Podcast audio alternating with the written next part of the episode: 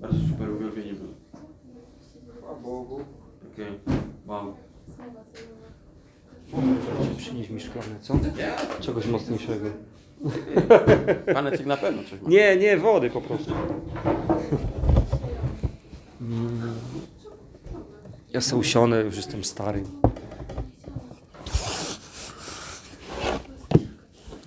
Pamiętacie, że jakby ktoś miał jakieś świadectwo, to, to że mówcie mi wcześniej o tym, nie?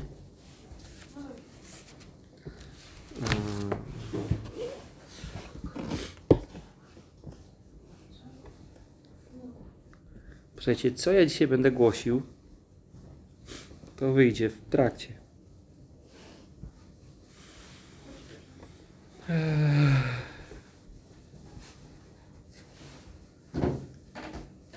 Ale z Hioba zaczniemy. O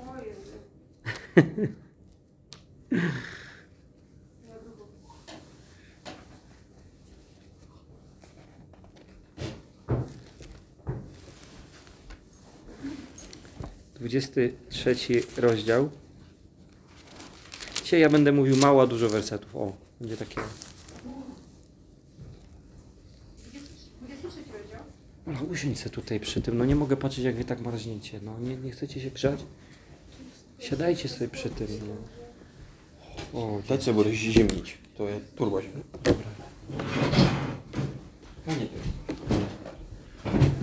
Ne? Głupio mi, że tak jestem wyżej trochę od was, ale mam ochotę sobie usiąść, co? I tak mi jest wygodnie. Cześć. Nam lepiej cię słuchać, gdzieś jesteś bliżej. Wygląda jak stał zresztą. A, dzięki. Proszę. Eee. Słuchajcie, są, są takie momenty,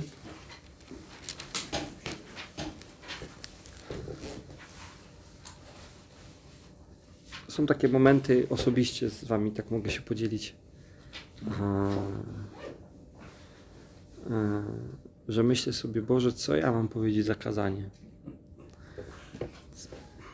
Oni wszystko wiedzą, a ja nie mam co dać. Szczerze, naprawdę, to jest tak sobie myślę, że takie, tak, takie mam myśli. I wtedy najczęściej Bóg mnie tak zachęca, że, że mi mówi, że Paweł, powiedz, że ich kocham.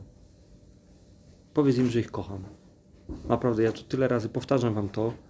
Nie dlatego, że a, że jakoś ja to lubię powtarzać, y, tylko dlatego, że naprawdę sam Bóg mi to przypomina. Znaczy, że to jest ważne, że, że, żebyśmy my to słyszeli, bo i ja, i wy, żebyśmy my razem to słyszeli, że Bóg, On chce nam przypominać o tym, że Bóg nas kocha. Bóg tak umiłował świat, że swojego Syna oddał. I ostatnio miałem taką przydługą rozmowę na ten temat z wierzącą osobą, która była na nauczaniu, osoba nie od nas z kościoła, na nauczaniu nie u nas w kościele, o, y, y, mm, gdzie było właśnie mówione o Bożej miłości. I ja wiem, że może być w tym temacie przez, jakaś przesada, przerysowanie, to, że, że człowiek się tak skupia na tym, że Bóg mnie kocha, że już zapomina o wszystkim innym, że jest miłość zawiera w sobie prawdę, że miłość nie wyklucza prawdy, że miłość nie zakrywa prawdy. Jeżeli Bóg mnie kocha, to nie znaczy, że akceptuje mnie w grzechu. Chce mnie uwolnić od tego grzechu.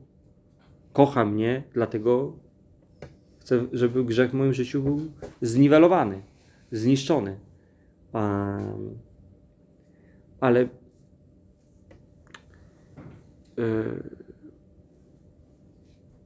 jest potrzebna, jak we wszystkim jest potrzebna równowaga, ale w przypadku miłości Bożej możemy sobie pozwalać na przesadę.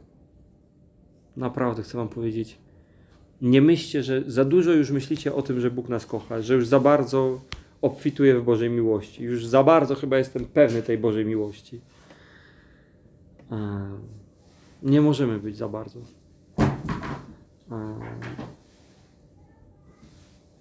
To jest studnia nie do wyczerpania. E, Wszystko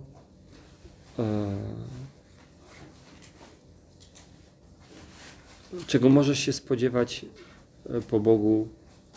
a,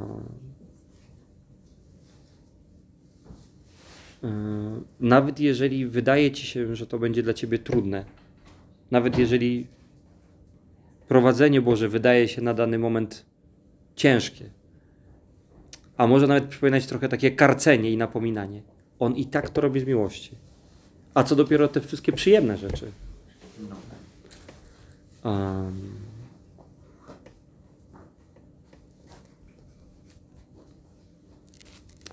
e, I druga rzecz, którą, którą e, Bóg mi mówi, jak, jak tak pytam, czym mam się dzielić?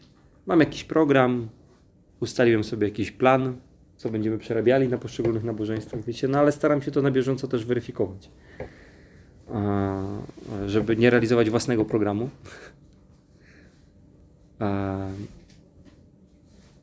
I druga rzecz, a, to, w której mnie Bóg zachęca do głoszenia, to mówi, że ja nie muszę mówić o moim życiu z Bogiem, o moich niedoskonałościach w życiu z Bogiem. Tylko mogę mówić o doskonałym Bogu w moim życiu. I tak jak podobnie jest w moim, a, w mojej służbie, w głoszeniu, myślę, że jest, y, można to przenieść do innych sfer mojego i Twojego życia. Są takie miejsca, gdzie myślisz sobie, kurczę, co ja mogę? To jest za trudne, ja chyba nie dam radę, e, trochę nie mam ochoty, a, straciłem motywację, am, coś wydaje ci się trudnego, ja na tym stracę, jakieś obawy. Skoncentruj swój wzrok w tych miejscach na Bogu. Patrz po prostu na Boga. Nie patrz na siebie, nie patrz na e, swoje umiejętności, swoje zdolności, swoje przygotowanie do tej sytuacji. Um, nie patrz na swoje zasoby, tylko patrz na Boga, u którego zasobów nie brak, a, który ma bardzo dużo czasu, jemu się nigdzie nie śpieszy. Um,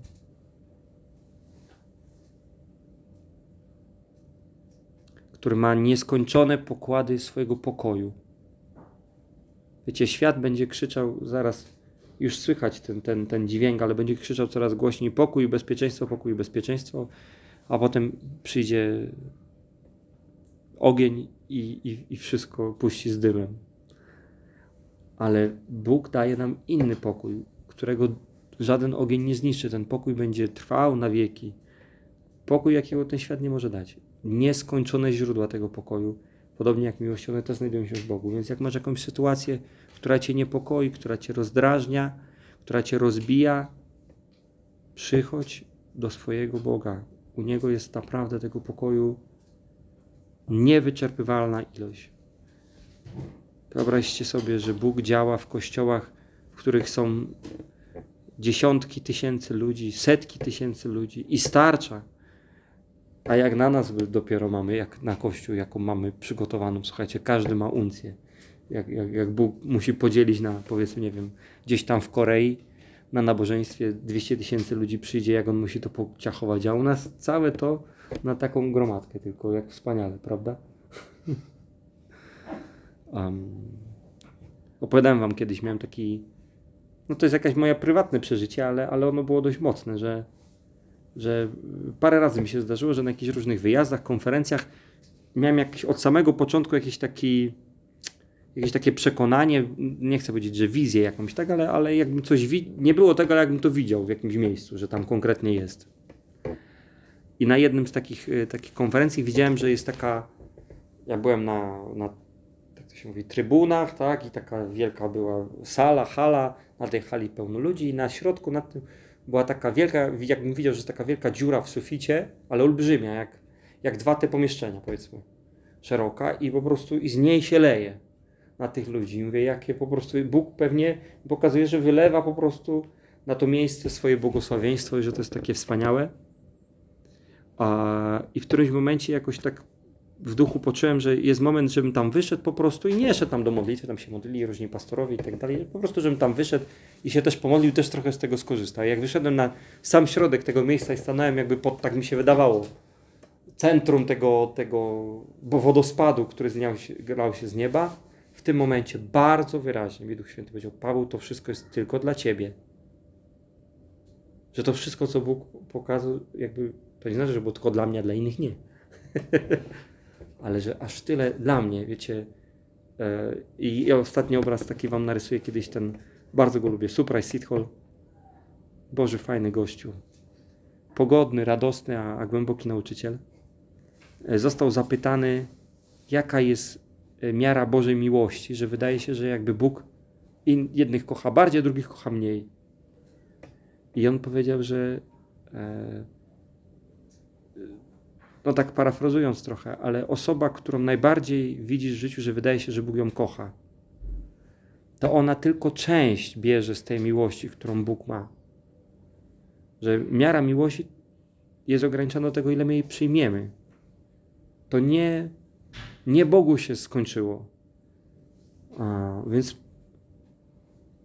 e, na ten pokój, na Bożą miłość bądźmy otwarci i korzystajmy z tego, bo naprawdę bardzo kocha wszystkie swoje dzieci. Nas wybrał, powołał do siebie, przywołał i chce nas tą miłością obdarowywać codziennie, obficie, e, bez wypominania. W każdej sytuacji. Wkurza cię ktoś, daj się zanurzyć w Bożej miłości. Wkurza cię coś, patrzysz w lustro i tam ktoś cię wkurza,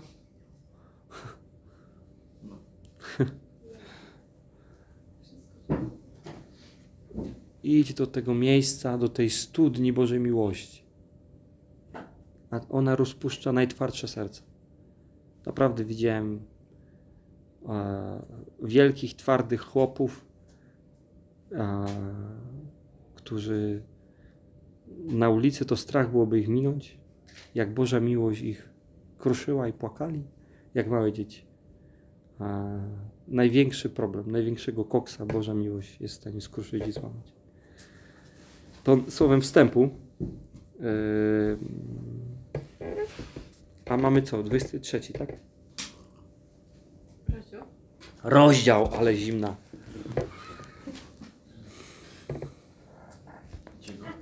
Hioba.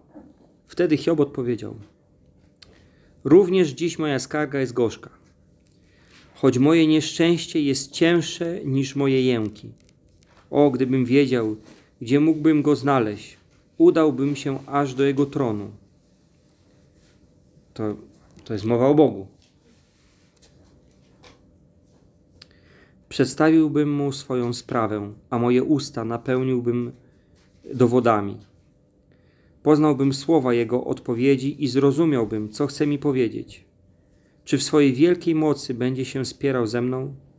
Nie raczej sam doda mi sił. Tam człowiek prawy rozprawiałby z nim, a ja na zawsze byłbym wolny od mojego sędziego. Ale oto idę prosto, a jego nie ma. Cofam się, a nie dostrzegam go. Idę w lewo, gdzie on działa, nie oglądam go. Idę na prawo, a nie widzę go, gdyż on zna drogę, którą kroczę. Kiedy mnie doświadczy, wyjdę jak złoto. Moja noga trzyma się jego śladu. Przestrzegałem jego drogi i nie zboczyłem z niej. Od przykazania jego ust nie odchodziłem. Ceniłem słowa jego ust bardziej niż mój własny pokarm. Lecz on jest niezmienny. Któż go odwróci? Czego bowiem jego dusza zapragnie, to uczyni, bo on wykona, co postanowił o mnie. U niego jest wiele takich przykładów. Dlatego drżę przed jego obliczem. Gdy to rozważam, lękam się go. Bóg osłabił moje serce, wszechmocny mnie zatrwożył. O mało bowiem nie zginąłem od ciemności, nie zakrył mroku przed moim obliczem.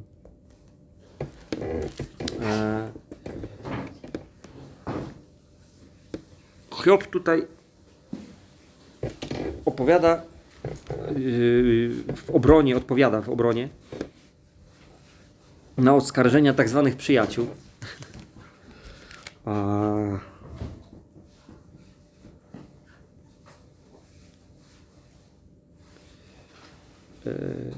ale w tym wszystkim Hiob, żebyście wiedzieli, on nie bluźni Bogu.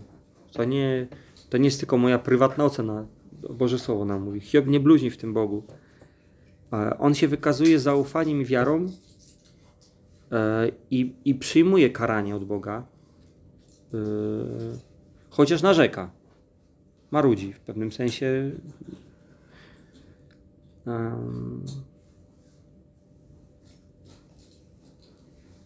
Ale mówi tutaj o, o sytuacji, która później następuje, taka diametralna zmiana. W czter...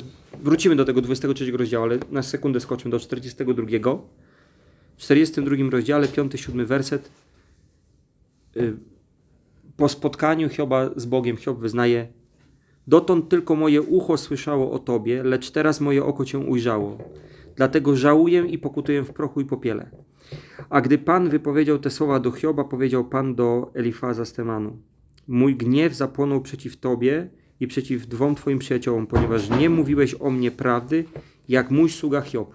Czyli zobaczcie tutaj pi- pierwsze, że Hiob, te rzeczy, które mówił wcześniej, mówił prawdę o Bogu. Żeby to było jasne. Jak, jak czytacie wypowiedzi w księdze Hioba przyjaciół, są tam jakieś rzeczy do wzięcia, ale trzeba pilnować, bo nie wszystko jest prawdą. Jak czytacie, co mówi Hiob, Hiob mówi prawdę. Hiob, Hiob mówi prawdę o Bogu. I zobaczcie,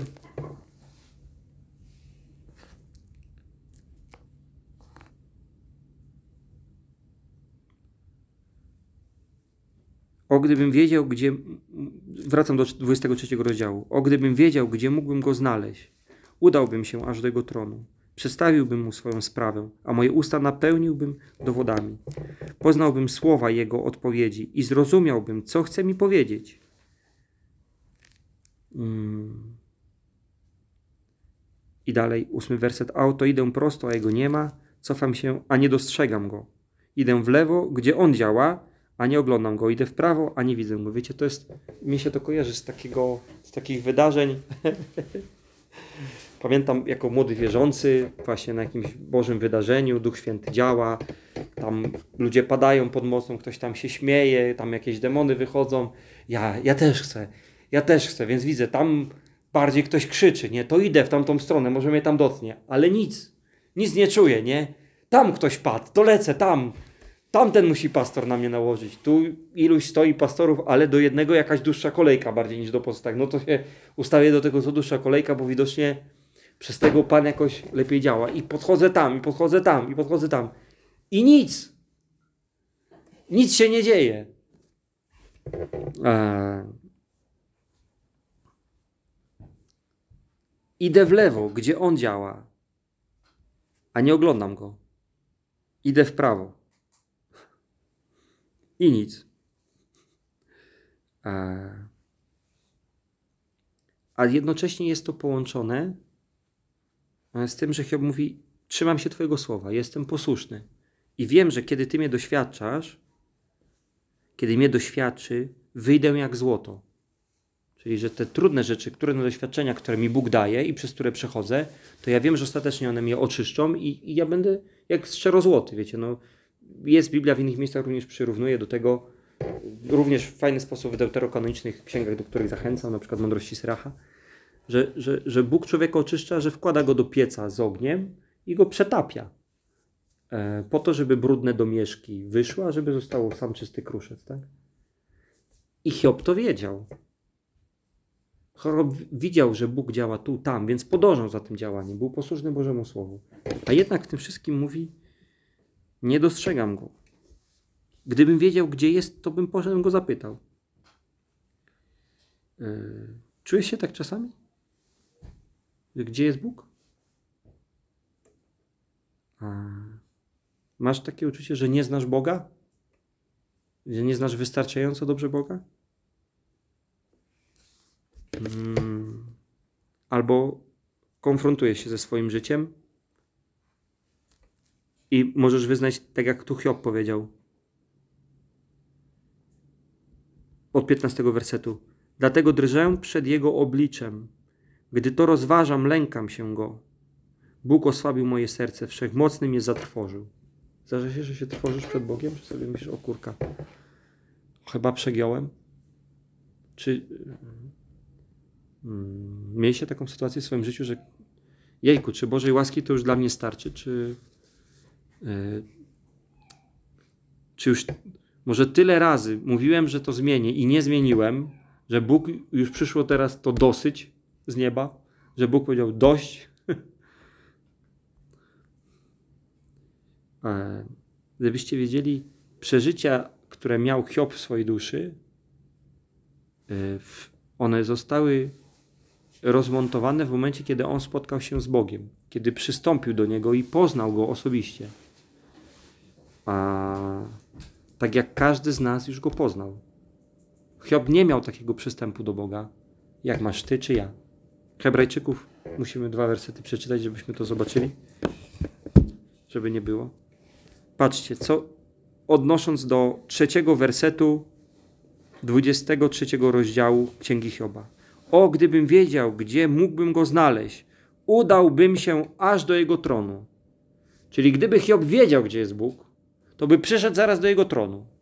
A my wiemy, gdzie jest Bóg. I możemy przeczytać w Hebrajczykach 4,16.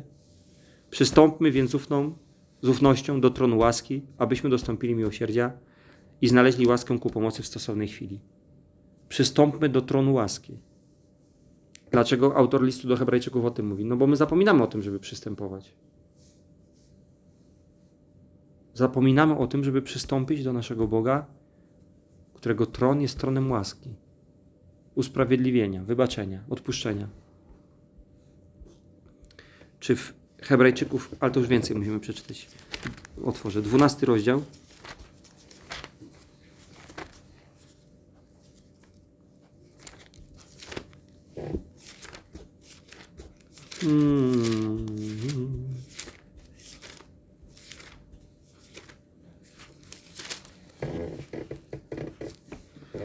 12 rozdział od 18 wersetu Hebrajczyków.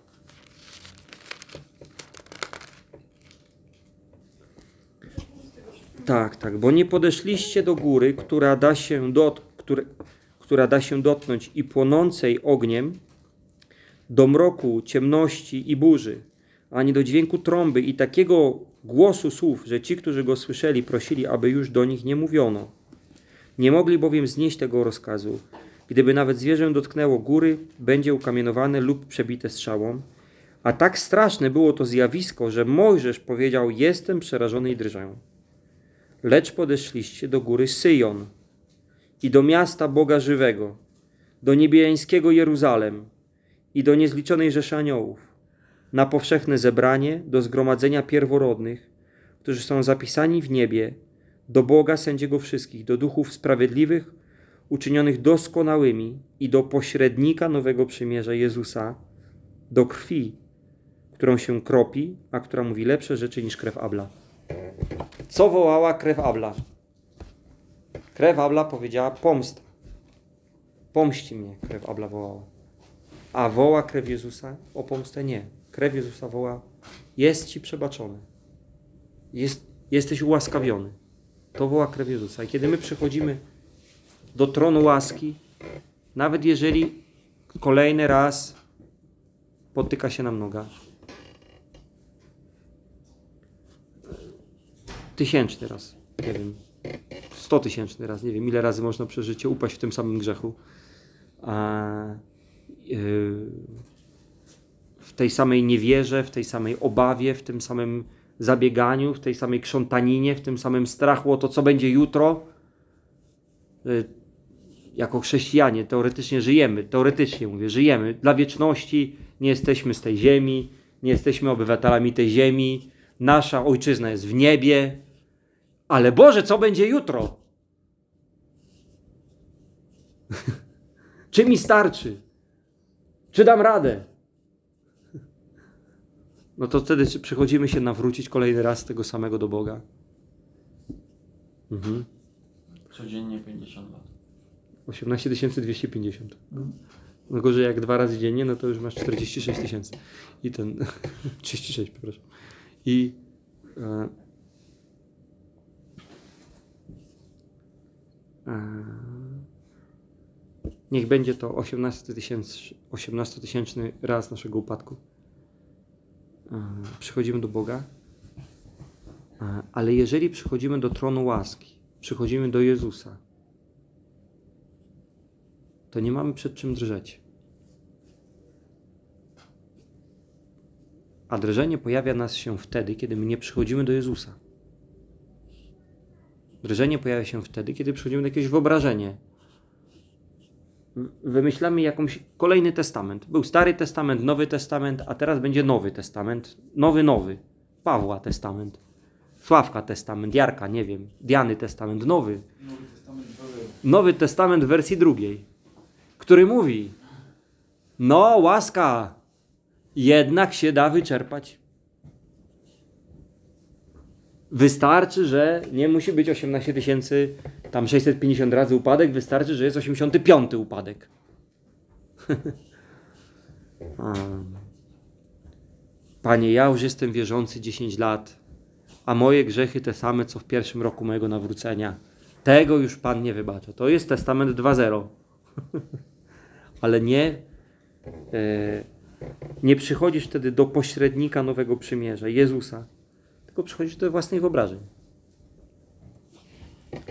E,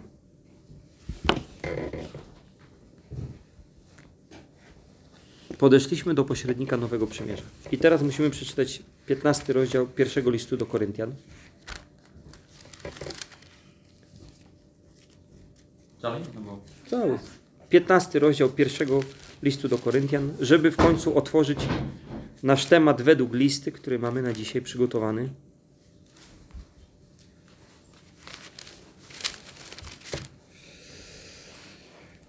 Mianowicie powiedzieć coś na temat zmartwychwstania. Bo dzisiaj to mamy w programie. Żeby nie było. Tak? Pamiętacie? Um, zmartwychwstanie yy, w 15 rozdziale listu Koryntian jest dość fajnie mówione. A oznajmiam wam, bracia, Ewangelię, którą wam głosiłem, a którą przyjęliście i w której trwacie, przez którą też dostępujecie zbawienia, jeśli pamiętacie to, co wam głosiłem, chyba że uwierzyliście na próżno. Zobaczcie, będziemy szli dalej zaraz. Jeśli pamiętacie okazuje się, że my możemy zapomnieć pierwszą Ewangelię.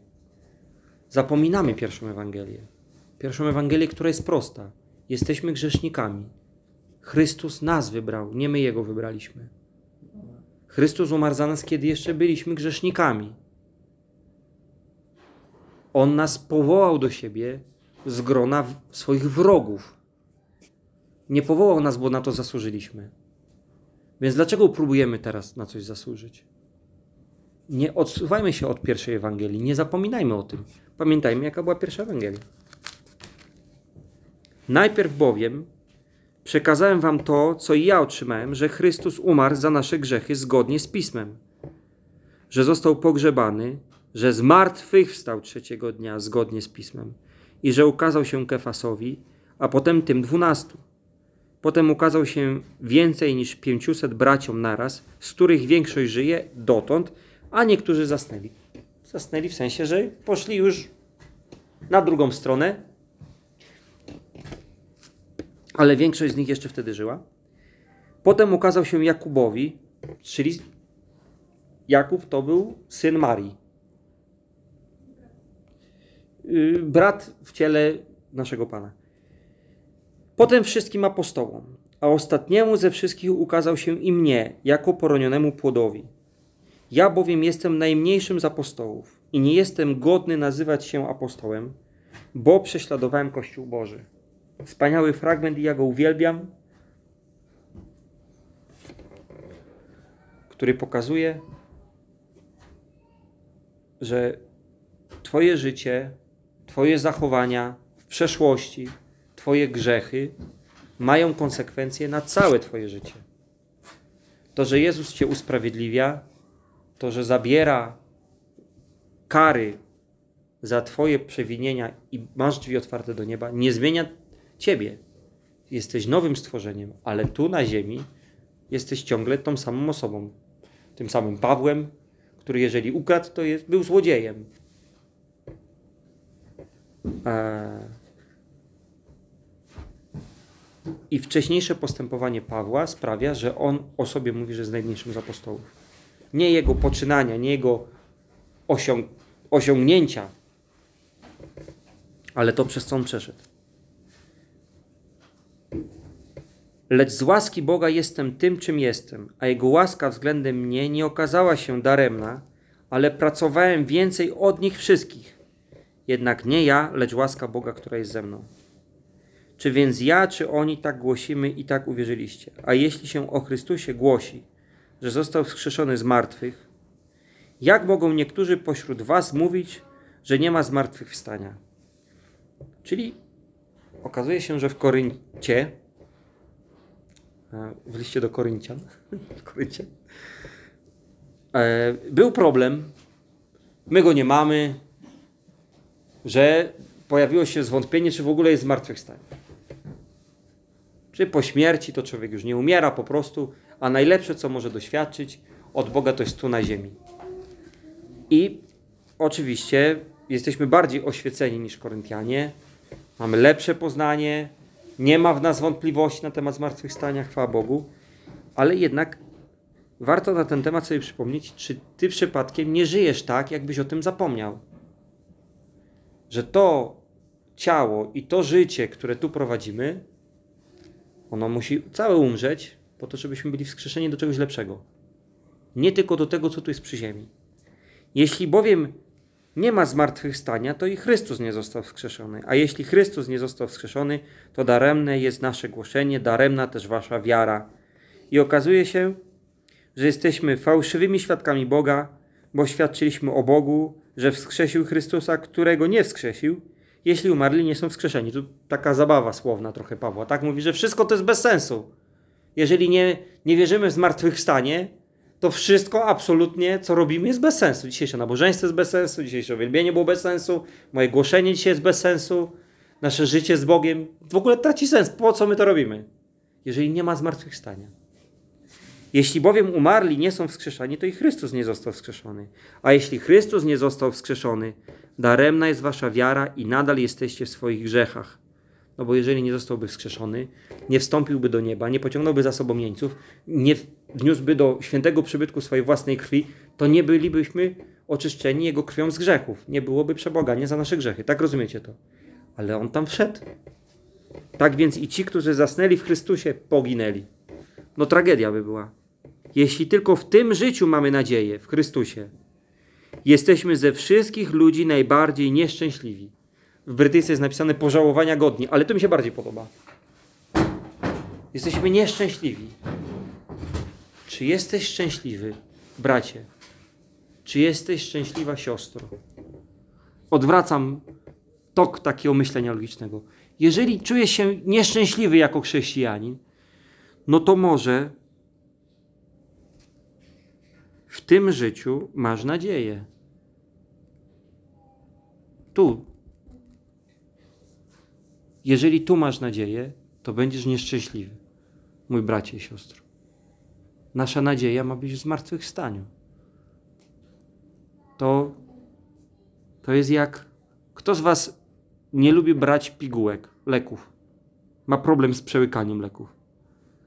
Na przykład takie te końskie teraz jemy.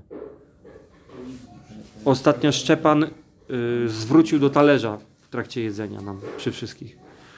Bardzo nie lubi połykać. To jest tragedia dla niego. A... Ale y, jak człowiek weźmie, na przykład boli go głowa, nie lubi, nie lubi połykać tabletki, ale połknie, chwileczkę minie czasu i stopniowo schodzi, schodzi, ból, ból głowy ustaje, tak? Tak wygląda całe nasze życie. Czeka nas coś nieprzyjemnego i to potrwa jeszcze przez chwilę, a to, co przyjemne, dopiero jest przed nami. Wszystko, co my doświadczamy tu na Ziemi, najwspanialsze rzeczy, największe obfitości i Boża e, mm, porcja i materialnego, i niematerialnego błogosławieństwa, która może do Ciebie przyjść tutaj na Ziemi, jest nieporównywalna z najmniejszym, co czeka nas w niebie. Bo czego ludzkie oko nie widziało, czego ludzkie ucho nie słyszało, co do serca ludzkiego nie jest w stanie wejść, się tam zmieścić, to przygotował Bóg nam w niebie, po zmartwychwstaniu. Pomyśl sobie najprzyjemniejszą rzecz, najprzyjemniejsze rzeczy w życiu. Ja zawsze myślę o jedzeniu. Myślę sobie o dobrym jedzeniu. Ziemniaczki młode z koperkiem, jajko sadzone. To jest, to jest i do tego mleko siadłe. Boże, to jest proste i dobre po prostu. Ja bym na tym mógł ciągnąć całe życie. A jeszcze sałatka z pomidorami. Ojej, i świeża cebulka. A... To jest jak gorzka pigułka. Jak niesmaczny lek. Jak niedobre zioła, czy nie, nieprzyjemny syrop, który musisz wypić w porównaniu z tym, co czeka nas w niebie. Smaki, które nas czekają w niebie. Rzeczy, które nas czekają w niebie. Tymczasem jednak Chrystus został wskrzeszony z martwych i stał się pierwszym plonem tych, którzy zasnęli. Pierwszym plonem to znaczy, że on pierwszy z martwych stał, e, ale następne e, zbiory, następne, te jak to się mówi? Żniwa, dziękuję, brakowało. Następne żniwa będą wtedy, kiedy przyjdą aniołowie Boży i nas będą zbierali. Eee. Skoro bowiem śmierć przyszła przez człowieka, tu jest mowa o Adamie pierwszym, który skusił się na propozycję Ewy i zeżarł również jabłko, czy zakazany owoc, przez człowieka przyszło też zmartwychwstanie umarłych, przez jednego Jezusa. Jeśli bowiem w Adamie wszyscy umierają, tak też w Chrystusie wszyscy zostają ożywieni. No, wszyscy, którzy mu wierzą, żeby było jasne, nie wszyscy na ziemi. Ale każdy w swojej kolejności. Chrystus jako pierwszy plon, potem ci, którzy należą do Chrystusa w czasie Jego przyjścia. A potem będzie koniec, gdy przekaże królestwo Bogu i Ojcu, gdy zniszczy wszelką zwierzchność oraz wszelką władzę i moc. Bo On musi królować, aż położy wszystkich wrogów pod swoje stopy. Kto jest królem? Teraz Jezus jest królem. Do momentu, aż wszyscy jego wrogowie będą wycięci i potem zostanie już tylko jeden wróg na koniec. 26 werset mówi. A ostatni wróg, który zostanie zniszczony, to jest śmierć. Wow. Wszystko bowiem poddał pod jego stopy. A gdy mówi, że wszystko jest mu poddane, jest jasne, że oprócz tego, który mu wszystko poddał, czyli pod stopami Jezusa jest każdy pró- prócz Boga Ojca. Gdy zaś wszystko zostanie mu poddane, wtedy i sam syn będzie poddany temu, który mu poddał wszystko, aby Bóg był wszystkim we wszystkich. W tym momencie Jezus odda całe panowanie Bogu Ojcu. Bo inaczej, co zrobią ci, którzy przyjmują chrzest za zmarłych, jeśli umarli w ogóle nie są wskrzeszeni? To była taka praktyka, żebyście wiedzieli, do dzisiaj znajdziemy wspólnoty, które to praktykują. Słyszeliście kiedyś o czymś takim jak chrzest za zmarłych? O co chodziło w tej praktyce? Jak Coś mówiłeś. powiedzmy, yy, przeszedł ktoś do kościoła, yy, oddał życie Jezusowi, a nawet yy, dzięki Panu yy, został mu udzielony dar ducha, ale nie zdążyliśmy go jeszcze ochrzcić w wodzie i zmarło się bratu, powiedzmy, albo siostrze. Ale chrztu wodnego nie było. To niektóre wspólnoty, czego Paweł tutaj nie sankcjonuje ani nie popiera, żeby było jasne. Ale niektóre wspólnoty uznawały, że trzeba tam Franek zmarł, ale trzeba za Franka się ochrzcić. I brali jakąś osobę i on mówi, ja się chrzczę za Franka. Do dzisiaj to funkcjonuje w niektórych wspólnotach, żebyście wiedzieli. Jest, funkcjonuje coś takiego. Chrzest za zmarłych, o to chodzi. Jest to trochę przesada formalistyczna, ale żeby było też jasne, Paweł nie pisze, że za to się idzie do piekła. To, to jest jakiś rygor, który moim zdaniem można ewentualnie powinąć. Ale Paweł tu podaje to jako przykład. Jeżeli niektórzy mają w zwyczaju chrzcić się za tych, którzy umarli, Creepy. bardzo creepy, to, to po co się chrzcić za umarłych, skoro nie ma zmartwychwstania? Jak można się, jak już tam nie ma żadnego życia, to po co? O, im już jest obojętne. dlatego podaję ten argument. Mówi, ale jeżeli się już zdecydujecie za jakiegoś zmarłego, no to dlatego, że tam jest zmartwychwstanie. Po co przyjmują chrzest za zmarłych, tak? Czysty werset. Po co i my każdej godziny narażamy się na niebezpieczeństwo? Po co nasze chrześcijańskie życie jest pełne niebezpieczeństw? Dzisiaj z panem Jackiem, zanim zaczęło się nabożeństwo, przy kominku miło rozmawialiśmy o tym, strach powiedzieć o swoich chrześcijańskich poglądach dzisiaj. Strach. Po pierwsze, z, jakby z zasady trzeba założyć, że cię potraktują jak wariata, homofoba, y, nietolerancyjnego, y, mm, ale w niektórych miejscach pracy zwolnią cię z pracy za otwarte wygłaszanie twoich poglądów. I to nie chodzi o to, że człowiek będzie pikiety organizował. Po prostu wej, ja się z tym albo z tamtym nie zgadzam. M- człowiek musi liczyć na jakiś ostracyzm społeczny, na przekleństwa. E, y, po co my to robimy? No bo tam jest coś lepszego, co nas czeka.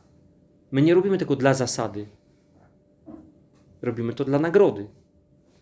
Dla życia wiecznego, gdzie tam już za nasze poglądy nikt nas nie będzie prześladował. Zapewniam was przez chlubę, którą mam z was w Jezusie Chrystusie, a Paweł ma chlubę z Koryntian, bo ich do Jezusa przyprowadził.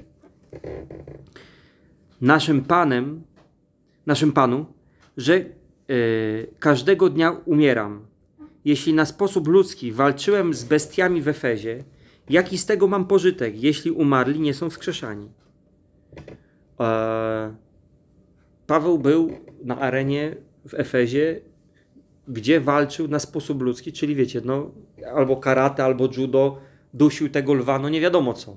Ale walczył na sposób ludzki, nie, nie kulę ognistą Bożej mocy wysłał w lwa, po ludzku, rozumiecie?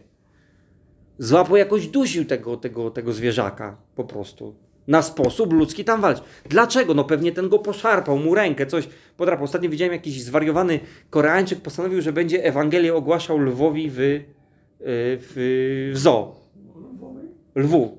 Lw- Lwu? Lwowi? Przed lwem wyzna swoją wiarę. Naprawdę, no chory psychicznie się okazał. Ja potem opowiadał, że faktycznie no tam leki się uspokoił. Ale był w kościele, nasłuchał się chyba historii o Danielu i postanowił przeskoczyć przez płot w zoo w Korei. I z Biblią do lwa, który stał razem z samicą naprzeciwko niego, ogłaszał mu Chrystusa. No i lew na początku niezbyt tak chętnie, ale w końcu się na niego rzucił i zaczął go szarpać po prostu, nie? Ale jakimś cudem pojawili się już ci strażnicy, strzelili, uśpili tego lwa. Potem tą y, samicę odpędzili wodą, no i tego, tego postrzelonego wy, wyciągnęli, nie?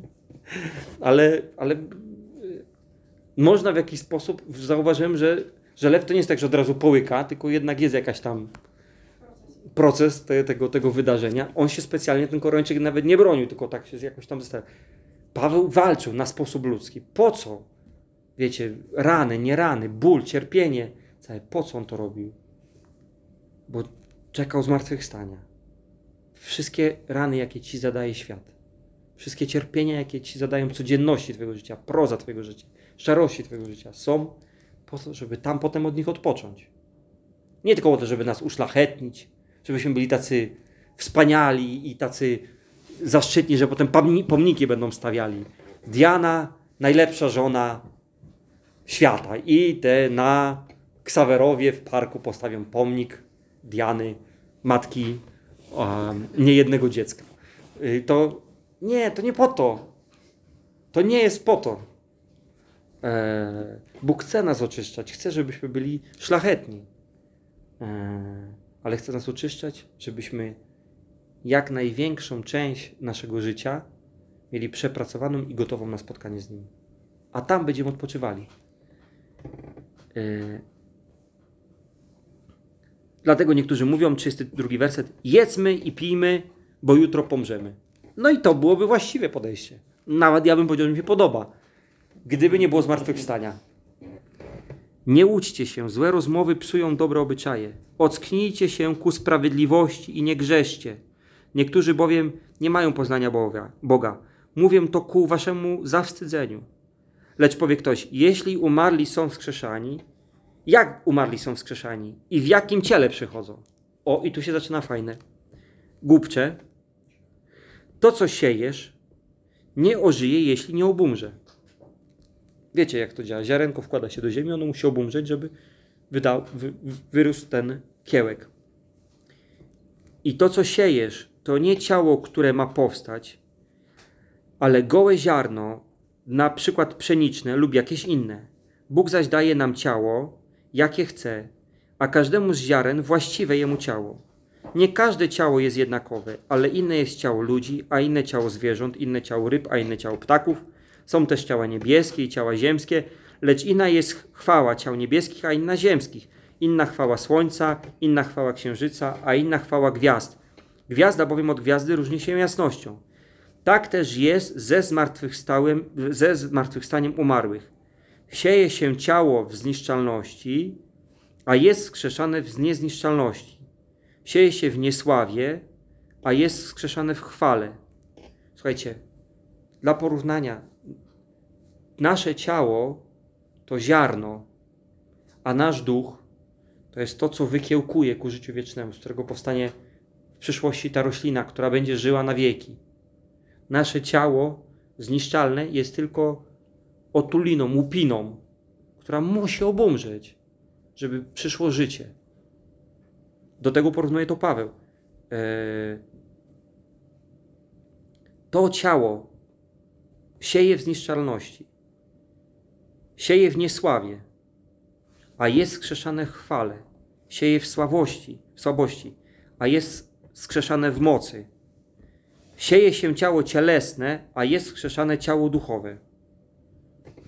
Jest ciało cielesne, jest też ciało duchowe, czyli Paweł nas to uczy. Po zmartwychwstaniu my otrzymamy nowe ciała, zupełnie nie mające nic wspólnego z tymi, które tutaj mamy. Więc dobrze jest dbać przez ten czas o namiocik, który mamy. Dobrze jest jeść dobre jedzonko, w miarę możliwości uprawiać sport, wysypiać się, ale jeżeli ma to przeczyć służeniu Bogu, jeżeli ma to przeczyć życiu dla Boga, niech ginie. Bo w takim sensie, jaki byłby cel postu? Ja wiem, że my możemy znaleźć powody, że post oczyszcza, że jest zdrowy dla organizmu i tak. Ale jak 40 dni ktoś nie żre, no to to nie jest zdrowe dla organizmu. Ja wam powiem szczerze, 42 dni postu Dąbrowskiej ma też swoje negatywne wpływy. Nie tylko pozytywne, ma też swoje negatywne. To, to nie jest jakby za darmo. Ciało dostaje w skórę przez to. Ale duch, a, duch dostaje tylko pozytywy za to. Dlaczego tak robimy? Bo siejemy w to ciało duchowe. Chcemy, żeby ono wzrastało. 45 werset. Tak też jest napisane. Stał się pierwszy człowiek Adam duszą żyjącą, a ostatni Adam duchem ożywiającym. Słuchajcie teraz. Jednak pierwsze nie jest to, co duchowe, ale to, co cielesne, potem duchowe. Pierwszy człowiek z ziemi, ziemski. Drugi człowiek, sam Pan z nieba. I to do nas. Jaki jest ten ziemski? Tacy i ziemscy. Jacy jesteśmy? Jak Adam z prochu. Niedoskonali, nawalamy, upadamy, potykamy się. A jaki będzie niebieski Paweł? Jaka będzie niebieska Miriam? Jaka będzie niebieska Ola? Jaka będzie niebieska Nadia? Jaki będzie niebieski Sławek? Tacy i niebiescy, na wzór Chrystusa, nieskazitelni, nieupadający, nie męczący się, nie walczący o życie modlitewne codziennie, nie walczący o to, żeby nie zasypiać na modlitwie, nie zmuszający się, żeby jeszcze werset przeczytam. Nie pamiętam już o czym były dwa poprzednie, ale jeszcze przeczytam. To zaś mówią bracia. Y, A, a, przepraszam, 49.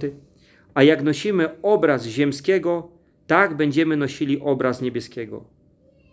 To zaś mówią bracia, że ciało i krew nie mogą odziedziczyć Królestwa Bożego, ani to, co zniszczalne, nie odziedziczy tego, co niezniszczalne. Oto zn- oznajmiam wam tajemnicę. Nie wszyscy zaśniemy, ale wszyscy będziemy przemienieni. Tutaj Paweł mówi o wyjątkowym momencie w historii. Daj Boże, do niego dożyjemy, albo nie dożyjemy. Tak czy siak, na pewno on się w naszym życiu wydarzy. Nie wszyscy zaśniemy, nie wszyscy umrzemy, aż przyjdzie Jezus. Ale wszyscy będziemy przemienieni. Czyli kiedy Chrystus przyjdzie na obłokach, żeby pochwycić do siebie swoją oblubienicę, to w drodze tego zabierania nasze ciała znikną, a pojawią się już te przemienione. Yy, No, chyba że wcześniej umrzemy, to wtedy wskrzesi nas, ale już w nowych ciałach. W jednej chwili, w mgnieniu oka, czyli na ostatnią trąbę. Dlaczego na ostatnią trąbę? Bo przyjście Jezusa najprawdopodobniej przyjdzie w święto trąb, e, y, takie żydowskie święto, ale to nie dzisiaj o tym. Zabrzmi bowiem trąba, a umarli zostaną wskrzeszeni niezniszczalni, czyli w tym nowym ciele, które będzie niezniszczalne, rozumiecie? Niezniszczalne ciało. Kto z Was widział film ten y, y, Nieśmiertelny? Świetny film, widziałem go ileś razy jako dzieciak. To będziemy mieli takie ciała, rozumiecie? Niezniszczalne. Będzie człowiek mógł jeść, jeść, jeść, jeść i nie będzie tył. Rozumiecie? E, nie trzeba się będzie golić. Nie, ani faceci, ani kobiety. Nie, nie, nie, nie będzie nic bolało, nic nie będzie strzykało, nie trzeba będzie y, dbać o właściwe ciśnienie krwi. A umarli zostaną wskrzeszeni niezniszczalni, a my zostaniemy przemienieni, czyli ci, których Jezus spotka jeszcze za życia. Po prostu pyk i nagle nowe ciała. To bowiem, co zniszczalne, musi przeodziać się w to, co niezniszczalne, a to, co śmiertelne, przeoblec w nieśmiertelność. A gdy to, co zniszczalne, przeoblecze się w niezniszczalność, a to, co śmiertelne, przeoblecze się w nieśmiertelność, wtedy wypełni się słowo, które jest napisane: połk- Połknięta jest śmierć w zwycięstwie. W ten sposób Jezus pokona śmierć. Wszystko, co może ulegać śmierci, zniknie. Nie będzie potrzeby śmierci, bo to, co będzie, będzie niezniszczalne. Gdzież jest o śmierci Twoje żądło, by nas ukuło? Gdzie jest opiekło Twoje zwycięstwo? Żądłem za śmierci jest grzech, a siłą grzechu prawo. Lecz dzięki niech będą Bogu, który nam dał zwycięstwo przez naszego Pana Jezusa Chrystusa. A tak, moi mili bracia, bądźcie stali, niezachwiani, zawsze obfitujący w dziele Pana, wiedząc, że wasza praca nie jest daremna w Panu. O co chodzi z tą pracą? Jeżeli będziemy siali w to duchowe, to będzie inne to ciało duchowe, niż jeżeli nie będziemy w nie inwestowali. Dzisiaj możesz już inwestować w swoje duchowe ciało. Swoim życiem, swoimi wyborami. Możesz inwestować w to duchowe ciało. Nie każde ciało będzie takie samo. Paweł o tym pisał. Mm. Sprawiedliwość nie polega na tym, że każdemu jest porówno. Komunizm na tym polega. Spra- sprawiedliwość polega na tym, że każdy otrzyma według słów, które wypowiedział, według czynów, które wykonał. Usprawiedliwienie w naszym życiu jest przez łaskę Bożą. Usprawiedliwienie z grzechów jest przez krew Jezusa. Ale Twoje ciało duchowe, ono będzie wyglądało na tyle, na ile Ty w nie dziś inwestujesz. Inwestuj w swoje duchowe ciało. Jeżeli dbasz o to ciało, które nas przeobleka, chwała Bogu, to jest dobre. Bóg Ci je powierzył, trzeba o nie dbać. Żebyś mógł jak najdłużej i jak najskuteczniej Bogu służyć. Ale ono jest na drugim miejscu, na pierwszym jest to duchowe. Jeżeli by was teraz ktoś do Efezu zabrał na alenę z dzikim zwierzęciem, na arenę, nie na alenę, przepraszam, się przejęzyczyłem, E, to nie możecie powiedzieć, no panie, ja tam nie pojadę niestety, bo muszę dbać o moje ciało, a jeszcze mnie jakiś tam wilk czy, czy, czy lew mnie podrapie, nie? Nie, ja będę inwestował w moje ciało duchowe, jadę, będę na sposób ludzki walczył tam z jakimś niedźwiedziem może, albo z kimś, jeżeli byłaby taka potrzeba, tak? Ale chcę wam pokazać, nie dajmy się oszukać, że nasze życie jest ograniczone tylko do tych malutkich problemów, które dookoła nas są. Posłuchajcie, my jesteśmy kroplą w morzu Bożego stworzenia. Jesteśmy kroplą w olb olbrzymiej em, chmurze świadków zbawionych przez Chrystusa, która tą chmurę buduje. I nasze życie tu na ziemi, które trwa w kontekście wieczności, jakąś właśnie mrugnienie oka, chwilkę, to jest tak nieistotne, tak nieważne w kontekście tego, co tam po tej drugiej stronie będzie. Wyobraźcie sobie naprawdę, ja wyobrażam sobie jedzenie, ale najprzyjemniejszą z najprzyjemniejszych. Interesujesz się motoryzacją, niech to jedzie najlepsze auto. Interesujesz się, nie wiem, y, obrazami, a sztuką, muzyką, pomyśl o najpiękniejszych dźwiękach, najczystszych, o skalach, których człowiek nie jest w stanie wyobrazić sobie. E, widoki ci się podobają, pomyśl o, o takich widokach najpiękniejszych gdzieś, to i tak wszystko będzie gorzkie, co dziś sobie wyobrażasz w kontekście tego, jaka słodycz tam nas czeka. Chodźcie, tak będziemy żyli. Bo my już przyszliśmy do tronu łaski. My możemy zrobić krok dalej. Nie musimy być jak Hiob. O, gdzie jest Pan? Boże, czy jesteś blisko mnie, czy daleko? On jest blisko nas. On oddał siebie za nas. On ukocha, ukochał Ciebie, ukochał mnie. Chodźcie, będziemy inwestowali w zmartwychwstanie, w to zmartwychwstałe ciało. Amen? Amen. Boże, ja proszę Ciebie o każdą moją siostrę i o każdego mojego brata, abyś Ty nam pomógł żyć dla wieczności, nie dla kilku chwil tutaj. Dziękuję Ci, Panie, za to, że nam dajesz taką pociechę i nadzieję z tego listu do Koryntian, z 15 rozdziału, że będą nowe ciała, że te nasze zmagania miną.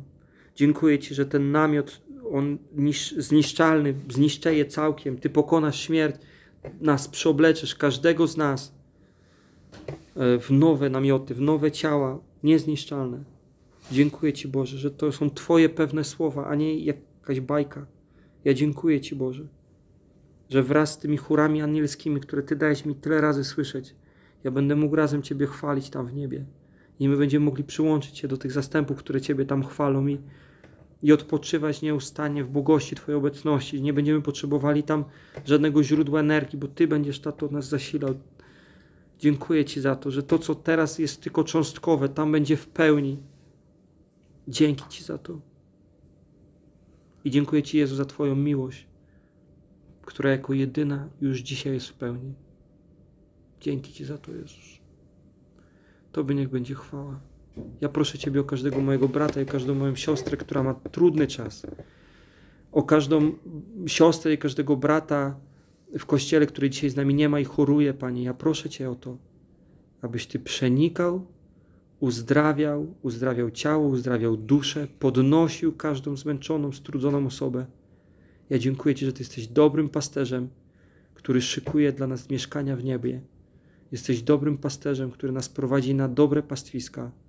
Jesteś Bogiem, który działa już dzisiaj. Dlatego ja do każdej choroby mówię: odejdź precz w imieniu Jezusa i nie zgadzam się na nią, aby Kościół mógł normalnie się zbierać i gromadzić. Amen. Amen. Amen.